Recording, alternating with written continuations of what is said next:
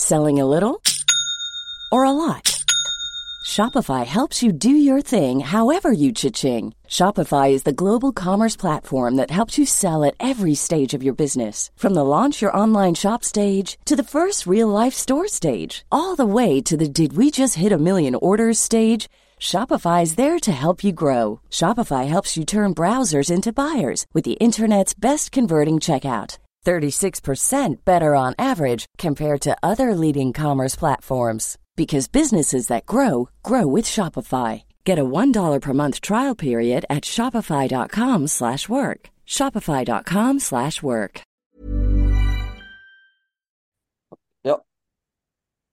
Halo pendengar GGMI Podcast, baik lagi bersama kita berdua dan pada episode kali ini kita akan merayakan kemenangan yang sangat fenomenal atas lolosnya Manchester United melawan Barcelona di babak 16 besar Europa League dengan skor agregat total 4-3 di mana ini juga menghentikan 18 kemenangan beruntun Barcelona di semua kompetisi utamanya di Liga Spanyol. Nah, gue memulai dari line up yang di mana kita tahu tidak ada perubahan Evin ya secara signifikan hmm. tetap memainkan Fred dan juga Casemiro dengan Weghorst ditaruh di nomor 10 uh, eh, meskipun kalau kita lihat secara permainan lebih cair dengan Rashford gitu. Nah, lu melihat secara awal apa nih ide atau konsep besar Tenak ketika menjamu Barca yang datang dengan kondisi copang camping, Vin? Iya, memang terlihat bahwa MU ini bermain untuk menang, bermain menyerang karena kita semua tahu gitu bahwa Barcelona Barcelona ini kehilangan Dembele, kehilangan Gavi dan juga Pedri. Nah, cuma di preview kemarin memang gue udah bilang pasti episode sama Saum bahwa meskipun nggak ada mereka, tapi ada satu pemain yang menurut gue ini bisa menjadi bahaya juga gitu. Dan ini adalah Sergio Busquets. Yang mana bola ini bakal lebih sulit untuk direbut karena position ball mereka tuh bakal lebih bagus daripada sebelumnya. Cuma memang ketika build up-nya bagus, posisinya bagus, mereka nggak bisa bikin peluang karena Gavi nggak ada, Pedri nggak ada, dan gantinya tuh cuma Kessie dan juga Sergio Roberto gitu, yang mana ya nggak ada sisi kreatifnya sama sekali gitu. Mereka lebih kepada gelandang pekerja keras gitu. Jadi memang idenya untuk bermain menyerang, bermain langsung dari awal ngegas, makanya juga Sancho juga langsung jadi nomor 10, Bruno di kanan, Rashford di kiri dan juga Weghorst di penyerang gitu. Cuma memang kita harus mengaku ya di babak pertama itu tidak bekerja dengan baik seperti itu gitu sih menurut gua. Hmm, jadi memang ini sedari awal emang langsung gigi lima ya gitu ya. Dan memang oh. ketika kita lihat di menit ketiga ya, sebenarnya kan kita hampir mau leading ya. Dan itu gol yang uh, prosesi gol yang mirip ketika gol Rashford ketika di uh, No Camp gitu kan. Di mana bedanya ini yang menjadi finisher adalah Bruno Fernandes gitu yang sayangnya dia mengincar tiang dekat gitu. Tapi alih-alih bisa mengalihkan bola ke jaring justru malah akhirnya kena blok dan setelah itu seingat gua kita bisa dibilang outplayed lah gitu ya. Dan akhirnya kita dihukum dengan sangat keras ya lewat hukuman penalti di mana Bruno Fernandes harus menarik tangan ya quote unquote gitu kan. E, Balde yang membuat kita harus kehilangan apa ya mungkin satu momentum ya dan itu menurut gue cukup membuat mental fans MU terutama kita deg-degan ya gitu ketika Lewandowski berhasil mencetak gol. Nah, tapi gue pengen nanya ke lu nih, secara sisi as in penalti itu, menurut lu tuh layak gak sih? Karena kan Bruno memberikan klarifikasi ya. Kalau yeah. di Liga Inggris itu harusnya pemain yang kartu kuning gitu. lu ngerti gimana? Ya memang itu apa ya 50-50 sih dan ini memang lebih kepada keputusan wasit interpretasi wasit ya. Cuma memang gini kalau misal itu penalti ya menurut gua banyak juga keputusan untuk MU yang harusnya pelanggaran atau penalti juga cuma nggak dikasih gitu aja sih ya mungkin jadi nggak fair. Kalau misalnya yang MU, MU kan juga kalau nggak salah beberapa menit sebelumnya itu Rashford juga dihajar kakinya di luar kotak penalti cuma nggak pelanggaran. Kemudian kita juga ingat di Camp Nou kemarin ada resort yang udah um, ya hampir one on one lah tapi dijatuhin nama Konde tapi nggak pelanggaran sama sekali. Hal-hal seperti itu yang bikin kita tuh kesel kayak lah itu aja nggak dikasih masa ini dikasih? Gitu sih itu itu yang bikin akhirnya membandingkan. Cuma kalau misal konteksnya memang Balde dan juga Bruno Fernandes sendiri ya kalau dikasih penalti ya maksudnya masih wajar aja karena itu 50-50 dan bisa iya bisa enggak tapi kalaupun dikasih gue juga kayak ya emang suwe aja sih dan itu gue nggak tahu ya apa yang lu rasain tapi itu cukup membuat gue down dan akhirnya cukup mempertanyakan apakah kita bisa fulfilling all property nggak sesuai dengan apa yang Erik Ten Hag sampaikan kan sebelum yeah, pertandingan yeah. kalau come uh, to Old Trafford to stadion and we want we we ensure we beat to Barca together gitu kan. Itu kan sebenarnya yang menjadi semacam kayak slogan gitu kan. Nah, tapi di babak pertama juga ya Vin ya. Sebenarnya kita tuh kan hampir ya kejebolan 2-0 dan sekali lagi selain daripada David De Gea melakukan save tapi dia juga melakukan error ya. Dan ini kan menjadi poin yang selalu sampaikan kan De Gea selalu punya kesalahan ataupun bisa dibilang kelemahan dalam porsi ball distribution gitu kan. Nah, kemarin bukan lagi salah mengumpan atau salah akhirnya uh, ini ya, tapi juga mengumpan ke pemainnya Barca yang itu kalau nggak ada Casemiro dengan apa ya bisa dibilang uh, signal dia yang akhirnya bisa ngebaca permainan sangat bagus, mungkin bisa dua kosong gitu. Nah, lu lihat penampilan Casemiro dan juga Fred ya yang ditaruh di tengah gitu kan.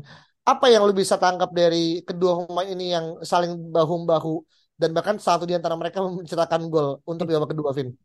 um, untuk line up sendiri ya mungkin khususnya Casemiro dan Fred gue pun mungkin agak awalnya gak nggak setuju gitu sama Ten kayak kok Fred main lagi gitu. Kayak gue tuh berharap Casemiro dan Sabitzer yang bermain. Cuma memang ya memang again ya lagi-lagi Hag lebih pintar dari kita.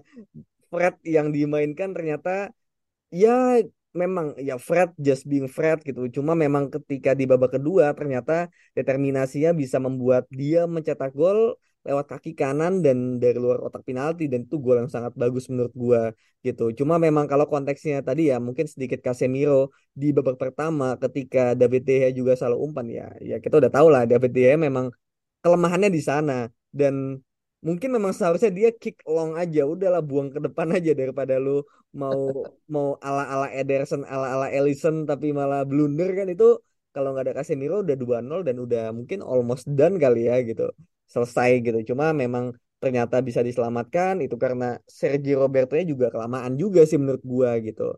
Dan hmm. akhirnya juga kemudian uh, ngomongin Fred ya menurut gua agak mengagetkan ya Sabitzer nggak main sama sekali, Fred bermain penuh dan memang ya Fred ini energinya, determinasinya memang akhirnya apa ya kayak gue sempat baca tadi di Twitter bahwa untuk memenangkan sebuah piala atau liga somehow kita itu butuh pemain yang memang happy ketika dia dijadikan sebagai squad role. Yang mana ya squad role ini adalah pemain yang apa ya fungsional. Kadang dibutuhkan, kadang sangat dibutuhkan, tapi kadang ya dia hanya menjadi pelengkap gitu dan dia harus fine dengan itu dan menurut gua Fred adalah orang yang memang dari sisi profile dia tuh cocok gitu.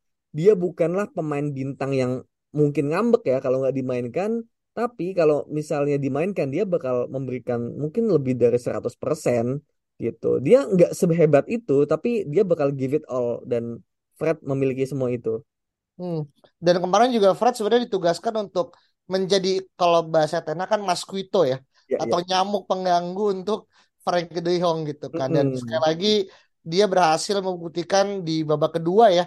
Itu gue lupa kalau nggak salah menit uh, kayaknya menit ke-48 ya baru tiga menit berjalan kan dan dia sempat motong umpan yang dikasih sama Bruno Fernandes kan yang harusnya mungkin ke Anthony tapi dia akhirnya motong Baldenya akhirnya salah langkah gitu kan. Dan dia to-to-to dengan Frankie dan berhasil mencetak gol yang akhirnya menjadi pengembali apa ya semangat kali ya. Dan ya. dari situ momentum udah baik lagi tuh ke Betul. MU gitu kan. Dari Fortuna dan segala macam tapi kita mau coba fokus pada uh, formas eh sorry pada counter formation yang dilakukan sama Ten Hag di babak kedua gitu kan yang di mana kita selalu mengatakan kalau memang pelatih atau Ten Hag lebih tahu dari apa yang kita tahu gitu. Terbukti dia melakukan uh, pergantian ya di mana akhirnya Jadon Sancho ditarik uh, digantikan dengan Garnacho ya dengan rambut barunya ya blonde gitu kan. Yang ketika kita lihat di trainingnya sebenarnya dia masih ngumpetin ya kayaknya sengaja mau di surprise ketika pertandingan tapi keburu di mocking sama Anthony gitu kan. Dan akhirnya Anthony ya sekali lagi masuk ke starting dan mulai di babak kedua dan menciptakan suatu poin pembeda kali ya dengan gol yang akhirnya diciptakan yang menurut gue itu gol yang sebenarnya pengen dilesakan sama Rafinya gitu kan tapi saya nggak bisa gitu. Lalu berarti gimana nih? Cameo dari mungkin bisa dibilang Anthony kali yang akhirnya menciptakan satu gol yang akhirnya turut mendorong MU untuk akhirnya masuk ke babak 8 besar Vin. Iya, menurut gue memang ini adalah salah satu kelebihan Ten Hag yang mana gue juga tadi mendengarkan beberapa analisis ya bahwa Ten Hag ini adalah lebih kepada problem solver. Jadi ketika memang um, permainan ini mandek gitu, somehow Ten Hag ini tahu gimana cara ngefixnya gitu. Dengan pendekatannya mungkin sedikit berbeda, tapi dengan filosofi dan juga um, apa ya prinsip yang sama gitu, yaitu dengan high press, kemudian dengan position ball juga, triangle juga gitu. Cuma memang pendekatannya berbeda gitu. Mungkin yang tadinya menggunakan Bruno Fernandes di kanan, tapi ternyata mungkin tidak bisa mengimbangi Balde ya di sana. Akhirnya menggunakan dan juga mungkin Weghorst ya yang tidak efektif bermain apa ya free flow gitu karena dia kan lebih kepada disrupting the build up aja kan gitu. Dia menjadi perusak build upnya Busquets, De Jong dan juga mungkin back back yang Barcelona. Cuma somehow ketika menyerang ya mandek aja gitu. Weghorst malah somehow lebih bagus ketika dia di gelandang nomor 10 dan menjadi link up play di situ itu sama itu agak aneh sih gitu cuma ya itu again ya kita juga udah pernah bahas bahwa uh, skema Weghorst di gelandang ini tergantung situasi gitu. Kadang berhasil kadang enggak. Tergantung permainan lawan juga. Dan kemarin memang Samoa tidak bekerja dengan adanya Weghorst dan akhirnya kan Anthony ini bermain yang baru banget sembuh dari cedera. Entah apa cederanya gitu kan. Kadang Anthony ini cederanya menjadi misteri ya. Kadang tiba-tiba cedera kemudian nggak tahu kapan sembuhnya tiba-tiba sembuh gitu. Dan ya untungnya memang dia sembuh di momen yang tepat gitu. Ketika satu sisi Rashford pun juga mungkin lagi apa ya mungkin agak-agak suwe kali ya di pertandingan ini. Pasti ada lah gitu pemain-pemain yang agak turun dan Rashford menjadi pemain yang turun. Dan Anthony ini memberikan kecepatan di kanan yang mana Balde juga menurut gue pasti udah cukup kelelahan juga ya di babak pertama. Akhirnya bertemu Anthony. Anthony juga cukup bagus ya ketika memegang bola, ball possession sebagai counter juga. Dia punya kecepatan dan ya curving bola dia juga gitu yang mana apa ya gol MU itu kan kalau ngomong yang kedua itu lebih kepada apa ya uh, build up ya dari Lisandro Martinez umpan jauh kepada Luke Shaw. Luke Shaw juga agak mungkin agak backheel dikit ya ke Bruno yang mana Bruno juga menang duel dari Rafinha yang mana temennya dulu kan di Lisbon kan gitu. Iya. Terus kemudian kasih ke Garnacho Garnacho juga bagus di situ syutingnya cukup oke okay, ke blok kemudian Fred. um, iya kan ke ya ke Fred ke blok lagi dan ke Anthony. Itu gue juga kayak wah anjing keren banget sih golnya gitu. Kayak ini meskipun banyak banyak shot yang ke blok tapi prosesnya itu benar-benar apa ya dari mulai build up long ball kemudian dari uh, apa namanya bisa menang duel juga dan akhirnya bisa sampai nendang tiga kali berarti kan positioning pemain MU itu bagus semua gitu loh. Kayak ada di tempat yang tepat gitu loh. Bukan bukan yang uh, apa namanya uh, beruntung gitu. Tapi memang pemain-pemain itu ada di sana gitu. Jadi memang Ten Hag ini spesialis babak kedua dan dia apa ya dia tahu caranya memperbaiki apa yang salah dan memperbaiki untuk hal yang benar gitu. Dan akhirnya bisa memberikan MU kemenangan.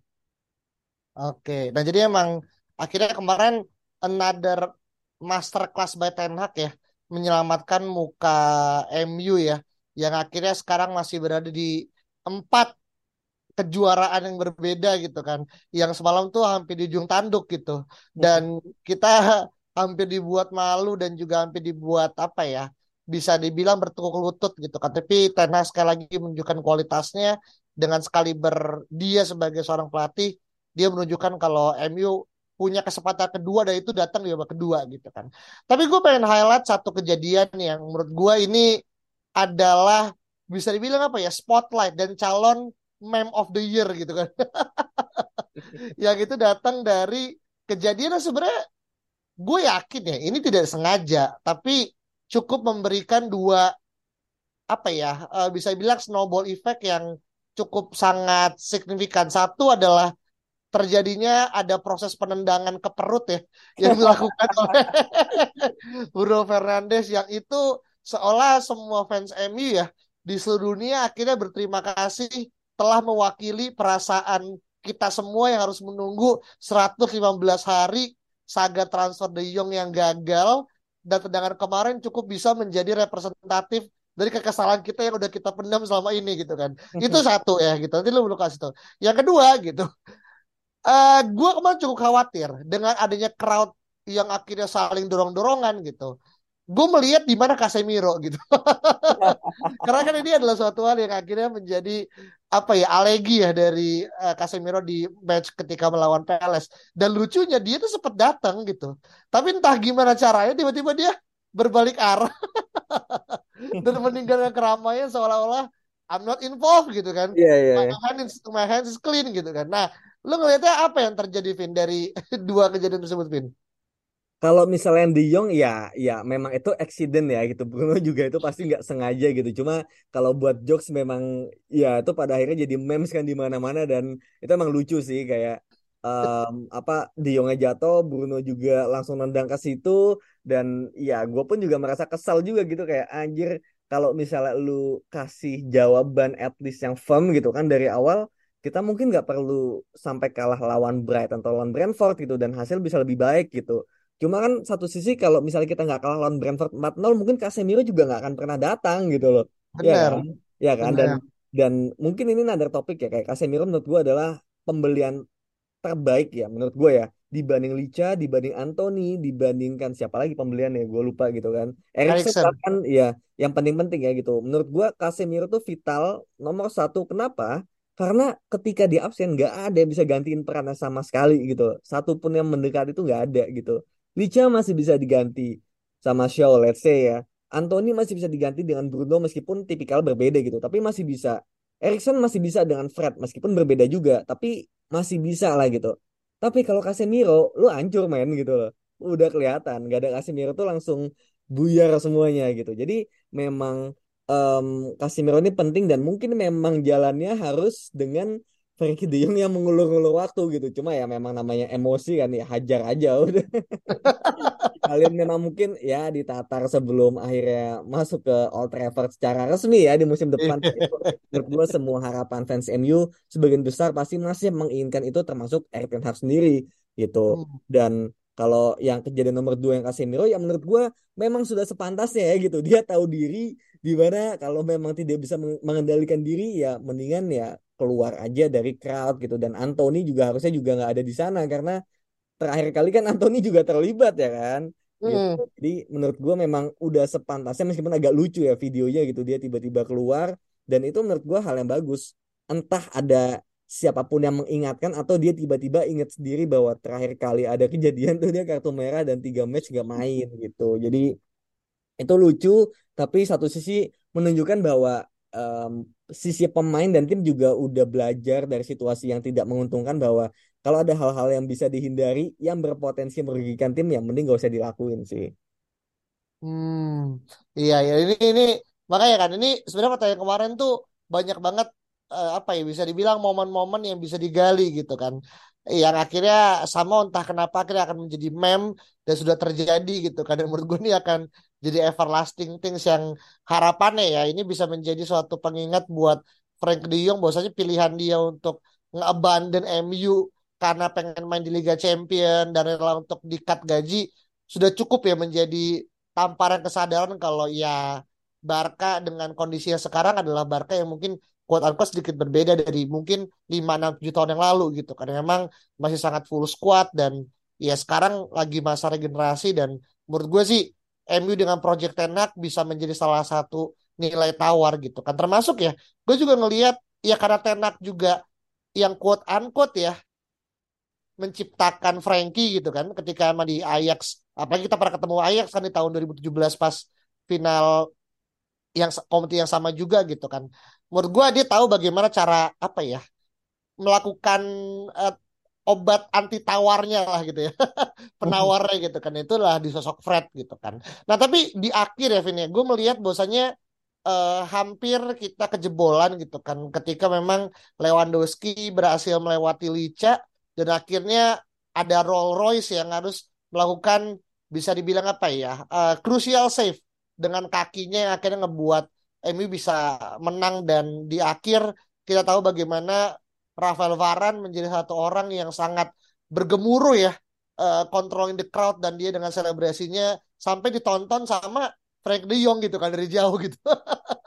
Lalu melihat akhirnya gimana Varan bermain dengan Licha yang seolah itu mengingatkan kita pada momentum Ferdinand dan Vidic ya ketika Licha akhirnya quote unquote ya megang uh, jersey-nya itu soal dengan penuh passion lu ada komentar nggak?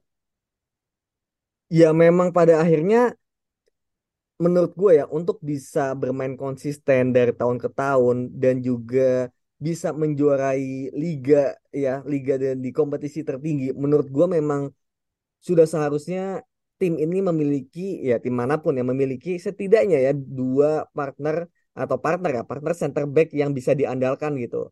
Kalau misalnya untuk analoginya kan ada yang namanya apa ya dog and cat gitu ya. Gue lupa ya pokoknya kayak ada kucing ada anjing gitu. Nah kalau kucing itu biasanya yang lebih kalem yang lebih apa ya uh, nggak nggak gerasa gerusuk lah gitu. Tapi kalau yang dog ini yang lebih gerasa gerusuk dan lebih sifatnya merusak gitu loh merusak dengan ketika bertahan gitu merusak serangan lawan dengan apa pun caranya. Dan kalau yang gue lihat memang itu sangat ada gitu di diri Farhan dan juga Licha gitu di musim ini gue sih ngelihatnya ya Licha lebih kepada dognya gitu yang mana dia um, sangat agresif sangat apa ya meskipun pendek ya tapi lompatnya dia cukup tinggi dan dia juga sering kali menang duel udara dan dia nggak apa ya nggak kalah lah dia berhasil mematikan Lewandowski juga gitu. Dan Varane gitu menurut gue lebih kepada catnya yang mana dia tenang calm dan juga dia bisa memberikan apa ya rasa aman di lini belakang dan untuk gelandang-gelandang juga kayak udah aman lu maju aja belakang ada gua gitu. Dengan permainan yang elegan nggak perlu gerasa gerusuk cuma memang dia adalah uh, leader yang seperti itu leader yang memberikan rasa aman. Kalau Licha lebih kepada leader yang menunjukkan determinasi gitu. Jadi menurut gua uh, Varane dan Martinez memang duet terbaik MU pada akhirnya setelah mungkin 10 tahun bermain konsisten dan juga bisa di level tertinggi bisa diandalkan. Dan akhirnya ketika Varane bisa menghentikan tendangannya Lewandowski ya akhirnya semua pemain juga ya termasuk fans ya. Pasti selebrasi kecil-kecilan gitu. Karena itu literally tipis banget dan hampir gitu. Dan itu kalau bukan Varan ya menurut gua mungkin nggak bisa juga gitu. Karena itu juga butuh apa ya pembacaan situasi dan reading the game yang sangat bagus. Ini tendangan bakal ke arah mana gitu. Dan ternyata itu on on target sih menurut gua gitu. Dan untungnya Varan juga di momen yang tepat. Jadi memang menurut gua Varan dan Licha ini adalah partnership back MU terbaik sih sejauh ini dan so far selama 10 tahun terakhir. Oke, jadi seolah kita menemukan regenerasi ya, yang akhirnya udah lama hilang kan dari awalnya Vidic Ferdinand, sekarang Licha dan juga Farah adalah regenerasi yang untuk gue lahir di waktu yang tepat gitu. Dan ini suatu hal yang ini mungkin pasca dari uh, pertandingan ya. Uh, gue juga denger, gue nggak tahu lo apakah ini cuman di Twitter sempat di uh, build up juga tentang uh, uh, fansnya MU yang akhirnya ngechance untuk Frankie dibilang Frankie, Frankie, what is the score gitu kan. Ini kan sekali lagi adalah pertandingan yang emosional ya untuk ya Frank De Jong karena dia pengen membuktikan kalau pilihan dia tepat dan MU yang ingin membuktikan kalau pilihan dia salah gitu. Dan ternyata yang menang adalah di MU gitu kan. Tapi lu ngelihat penampilan Frank De Jong ya ini uh, jarang sih kita ngebahas satu pemain ya pasca dari pertandingan gitu kan. Apalagi dari tim lawan gitu. Tapi untuk pemain Frank ini adalah spesial karena kita cukup dekat ya secara emosional gitu kan dan feelingnya untuk akhirnya dia berlabuh ke Old Trafford musim depan sebenarnya kebuka sangat tinggi gitu kan. Nah, eh, apa yang lu bisa lihat dari pertandingan semalam dari Frank De Jong dan kira-kira apakah ada atribut yang lu lihat di pertandingan semalam yang sebenarnya MU tuh butuhkan dari sosok gelandang yang sekarang akhirnya ditempati di posisinya Fred sekarang, Vin? memang Frankie De Jong ini kalau misalnya kita bedah ya memang dia itu kan pemain nomor 8 ya yang mana dia bisa jadi nomor 6 juga dengan nantinya bakal di backup dengan pemain yang bisa punya apa ya cover area yang bagus juga gitu. Jadi ketika Frankie De Jong maju, kemudian mungkin kena counter, kemudian nanti gelandang ini bisa membantu uh, dalam recovery-nya gitu. Let, let's say kalau di kita punya Casemiro gitu. Dan ternyata Casemiro pun juga tidak sejelek itu dalam in possession-nya gitu yang mungkin kita bayanginnya dia adalah pure destroyer yang cuma bisa tackle tackle doang ternyata dia bermain pun dia bisa gitu nah ini kan melihat bahwa uh, Frankie De Jong ini juga pada akhirnya pastinya juga bisa diutilize dengan baik gitu nantinya di MU gitu. Jadinya menurut gua kalaupun nanti Frankie De Jong datang gitu ya dia otomatis bakal menempati posisi di mana sekarang ini diisi oleh Fred ataupun Erikson.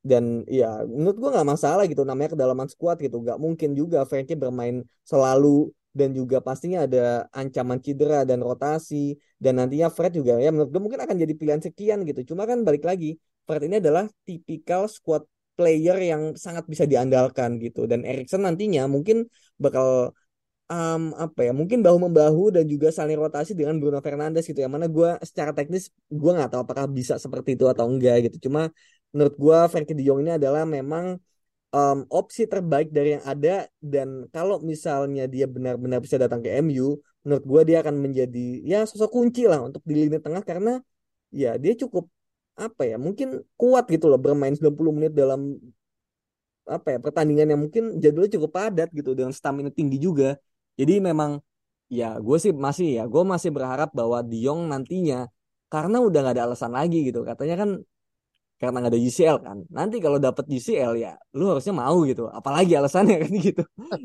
Duit juga udah bukan alasan lagi. Kalau misalnya apalagi kita udah nanti diakuisisi oleh Qatar kan gitu. Jadi memang semalam kita juga melihat ya potongan-potongan klip ya di mana Diong melihat ke Stratford End. Ya. Kemudian dia juga kayak seolah kagum gitu ya. Itu kan kadang-kadang banyak potongan-potongan yang mungkin bisa kita apa ya interpretasinya bisa macam-macam gitu cuma memang siapa sih pemain yang nggak nggak amazed gitu dengan bagaimana fans itu benar-benar mendukung pemain sampai segitunya kemudian juga dengan chance-chance-nya juga gitu pasti dia akan amazed juga gitu dan uh, ya gue sih berharap dia semalam dikunciin aja di toilet ya gitu. Jadi iya iya iya iya iya iya. Dan kalau nggak salah ya ini ini nanti kalau koreksi. Kemarin juga Tenak gue gak tahu ini bener apa enggak ya tapi di di quote oleh beberapa apa namanya twitternya beberapa fan base MU kayak uh, tenang tentang Frankie dia bilang kayak ya kita berharap dia lebih lama tapi dia punya apa namanya flight yang harus di catch gitu kan. Jadi kayak ya kita berharap dia ya lebih lama lagi di sini tapi dia punya pesawat yang harus dikejar karena balik ke Barca. Maksudnya gitu sih kasarnya. Meskipun ya sekali lagi ya untuk sekelas enak yang mengatakan ini maknanya jadi ganda kan. Dan kita dan ya terus semoga apa yang tadi lu bilang pun juga menjadi suatu doa. Dan menurut gue sih untuk uh, musim depan uang dan juga privilege bukan hal yang akhirnya perlu kita apa ya perlu kita jadikan suatu ketakutan justru itu kita kita jual gitu kan untuk akhirnya memberikan point advantage dan MU balik kepada track track, track awal gitu kan. Nah dengan lolosnya MU ke babak 8 besar ya uh, dan juga per kita tag ini udah ada result di mana MU akan menjamu ya atau bisa dibilang mungkin kita ya menjamu duluan gitu kan. Itu adalah Real Betis, another Spanish team yang akhirnya harus kita quote unquote ya uh, ya lumat lah nantinya gitu kan. Dan uh, kita akan bahas ini terpisah ya. Uh, sekaligus juga mungkin kita nggak bahas masalah seberapa besar chance kita untuk bisa lolos ke tahapan berikutnya. Dan ini bisa menjadi salah satu apa ya mungkin penyegaran karena kita sempat punya memori buruk ya dengan tim-tim Liga Spanyol kan dari mulai Sevilla gitu kan atau mungkin yang paling terakhir adalah Villarreal gitu yang harus akan menghentikan kita di perburuan gelar uh, piala yang sama di tahun 2020 gitu. Jadi nanti tungguin aja teman-teman untuk terkait dengan prediksi dan juga preview kita untuk antara Real Betis dan juga MU. Tapi kalau teman-teman punya poin berbeda terkait dengan apa yang terjadi di match lawan Barca, silahkan langsung aja komen di reply tweet Twitter kita. Dan jangan lupa untuk follow GGMI Podcast di Spotify dan juga jangan lupa kasih bintang 5 supaya kita bisa ngasih another pinpoint tentang berita MU yang up to date. Itu aja kita ketemu lagi berikut ya. Bye bye. Even when we're on a budget, we still deserve nice things. Quince is a place to scoop up stunning high-end goods for 50 to 80% less than similar brands. They have buttery soft cashmere sweaters starting at $50, luxurious Italian leather bags, and so much more. Plus, Quince only works with factories that use safe, ethical, and responsible manufacturing. Get the high-end goods you'll love without the high price tag with Quince. Go to quince.com/style for free shipping and 365-day returns.